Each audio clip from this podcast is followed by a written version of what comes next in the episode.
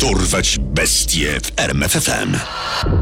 Imię i nazwisko Milton Sipalo. Znany jako Dusiciel z Lusaki. miejsce i okres działalności, Zambia rok 1980. liczba ofiar, Przynajmniej 29. skazany na Nie stanął przed sądem. Dorwać bestie w RMFFM. Milton Sipalo to jeden z najaktywniejszych seryjnych morderców w historii i rekordzista pod względem liczby ofiar w swojej ojczyźnie, w Zambii. Przez niespełna rok swojej działalności Sipalo zamordował około 30 osób, o których wiemy.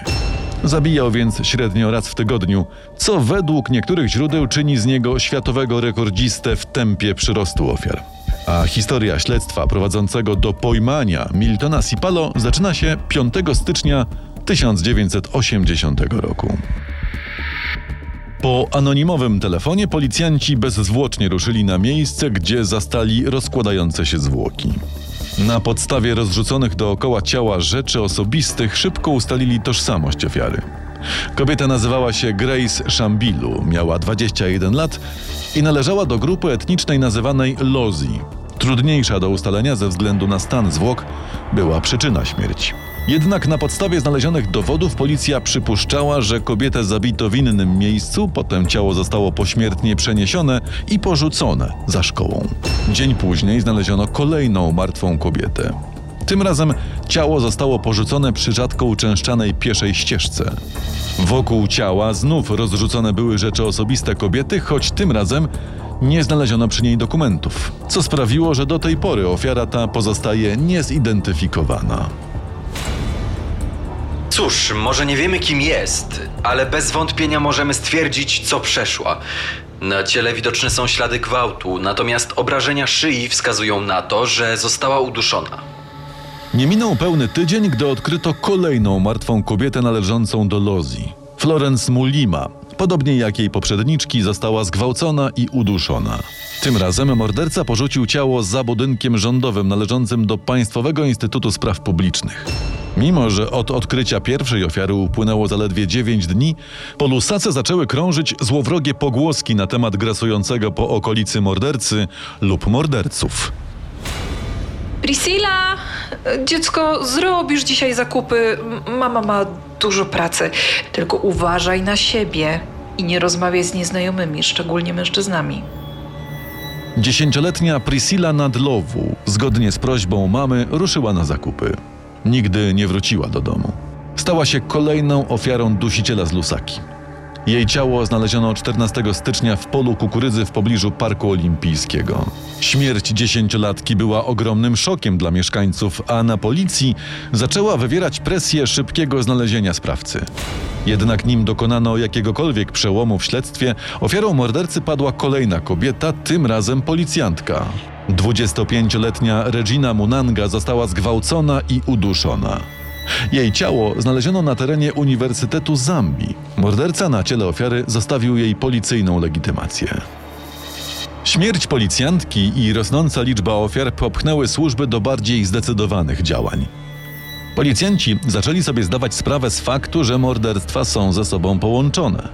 Wezwali także na przesłuchania wszystkich znanych morderców i przestępców seksualnych rezydujących w okolicy Lusaki, jednak działania te nie przyniosły wymiernych rezultatów.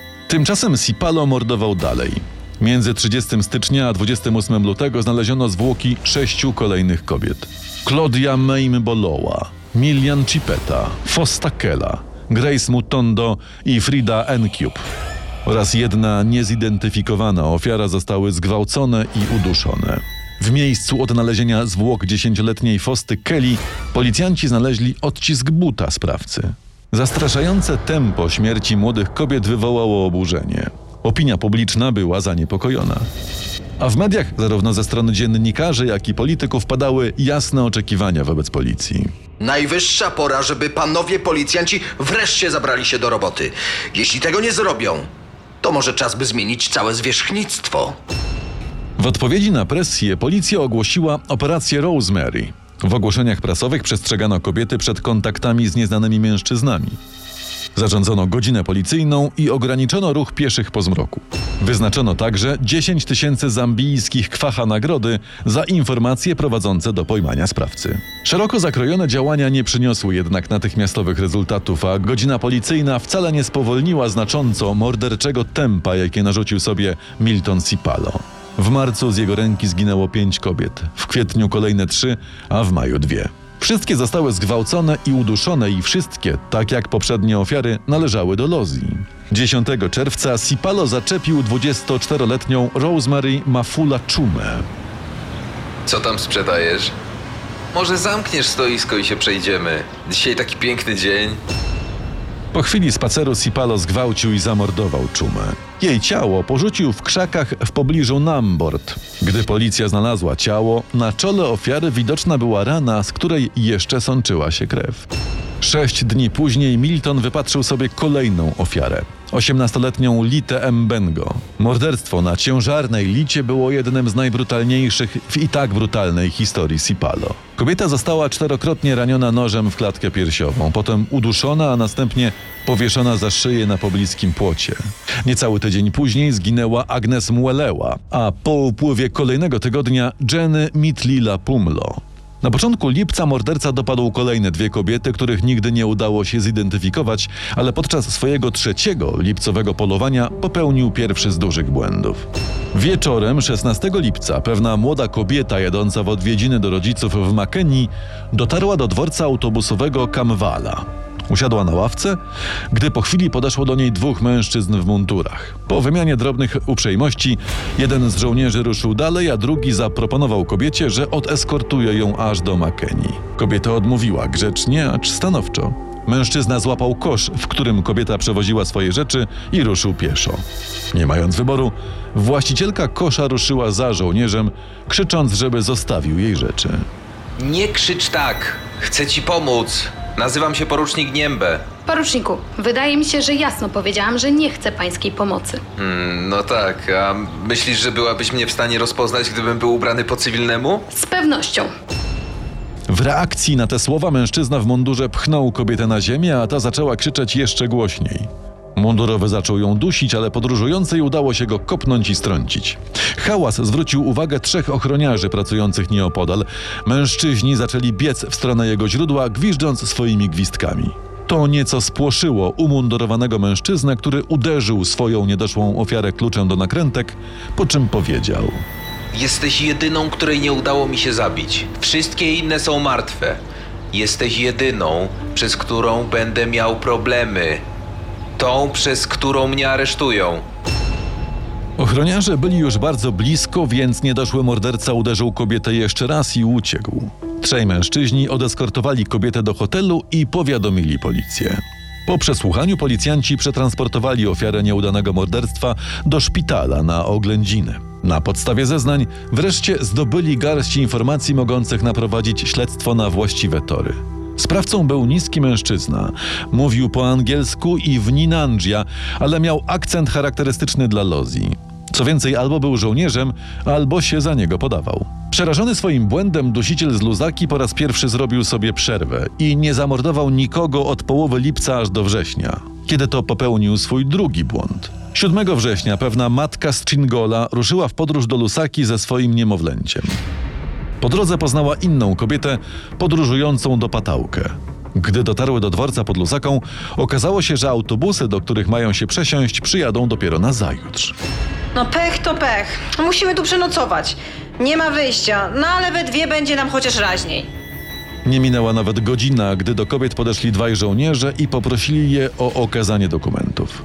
Po sprawdzeniu dowodów żołnierze próbowali namówić obie panie, by te wraz z niemowlęciem spędziły wieczór w pobliskim domku gościnnym.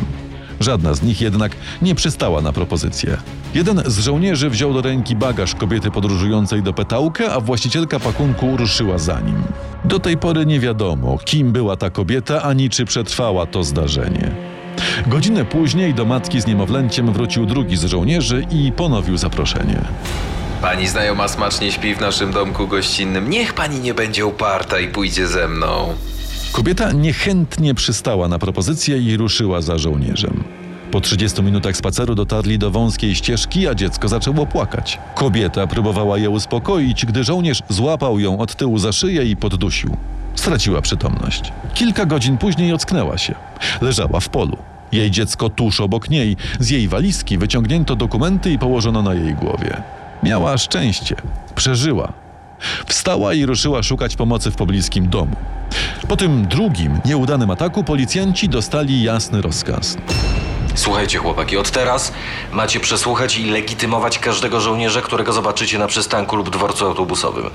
I kiedy mówię każdego, to mam na myśli każdego, nawet jeśli ma mundur generała, jasne?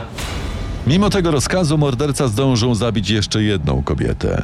Mary Sian, której zwłoki bardzo mocno zmasakrował. 16 września druga z niedoszłych ofiar dusiciela w towarzystwie detektywa wróciła na dworzec, w okolicy którego została zaatakowana. Po chwili zaczepił ją ubrany po cywilnemu Milton Cipalo. Czy ja pani skądś nie znam? Nie wydaje mi się. Dopiero co przyjechałam z miasta. Sipano zaproponował kobiecie, że zaprowadzi ją do gospody, gdzie zarezerwuje jej pokój. Podczas tej krótkiej wymiany zdań niedoszła ofiara mordercy zauważyła na nadgarstku swojego rozmówcy zegarek, dokładnie taki sam jak jej, który straciła w dniu ataku. Nie zwlekając ani chwili, dała znać towarzyszącym jej w ukryciu funkcjonariuszom, by aresztowali jej rozmówcę. Dzień później policjanci przeszukali dom Miltona Sipalo i znaleźli kilka przedmiotów należących do ofiar dusiciela z Lusaki. Zapytany o ten fakt Milton odparł: To rzeczy mojej ukochanej. Y, Przepraszam, y, byłej ukochanej. Zostały u mnie po tym, jak wyrzuciłem ją z domu, gdy powiedziała mi, że miała operację jamy brzusznej. To dziwaczne wyjaśnienie jeszcze mocniej utwierdziło policjantów w przekonaniu, że znaleźli swojego sprawcę. Postanowili więc udowodnić to ostatecznie za pomocą świadków. Obie kobiety, które przetrwały atak dusiciela, zidentyfikowały go jako swojego oprawcę. Zderzony z tym faktem Sipalo rzekł: Cóż, skoro wskazały właśnie mnie spośród wszystkich innych stojących wokół mnie, no to nie ma wątpliwości. Muszę być mordercą. Tego samego dnia Sipalo oprowadził policjantów po swoich ulubionych miejscach zbrodni, a także opowiedział o kilku ofiarach, których nie udało się znaleźć lub zidentyfikować. Miał jeszcze jedno fascynujące wyznanie. Pewnie to wiecie, ale nie robiłem tego sam. Miałem wspólnika. Był nim pewien kapral. Mogę dać wam namiary na niego. Rzeczony kapral stanowczo zaprzeczył oskarżeniom, a policja nie miała żadnych dowodów, by bezpośrednio połączyć go ze zbrodniami. Choć nie ulega wątpliwości, że w historiach obu kobiet, które przetrwały, zaczepiało je dwóch żołnierzy, a nie jeden. Mimo tego kapral został wypuszczony na wolność. Dzień później, 18 września 1980 roku, podczas transportu na przesłuchanie, Milton wymknął się funkcjonariuszom i w kajdantkach zbiegł na dach pobliskiego budynku. Mimo próśb funkcjonariuszy i tłumu gapiów wskoczył i zmarł na miejscu. Poznaj sekrety największych zbrodniarzy świata. Dorwać bestie w RMFFM.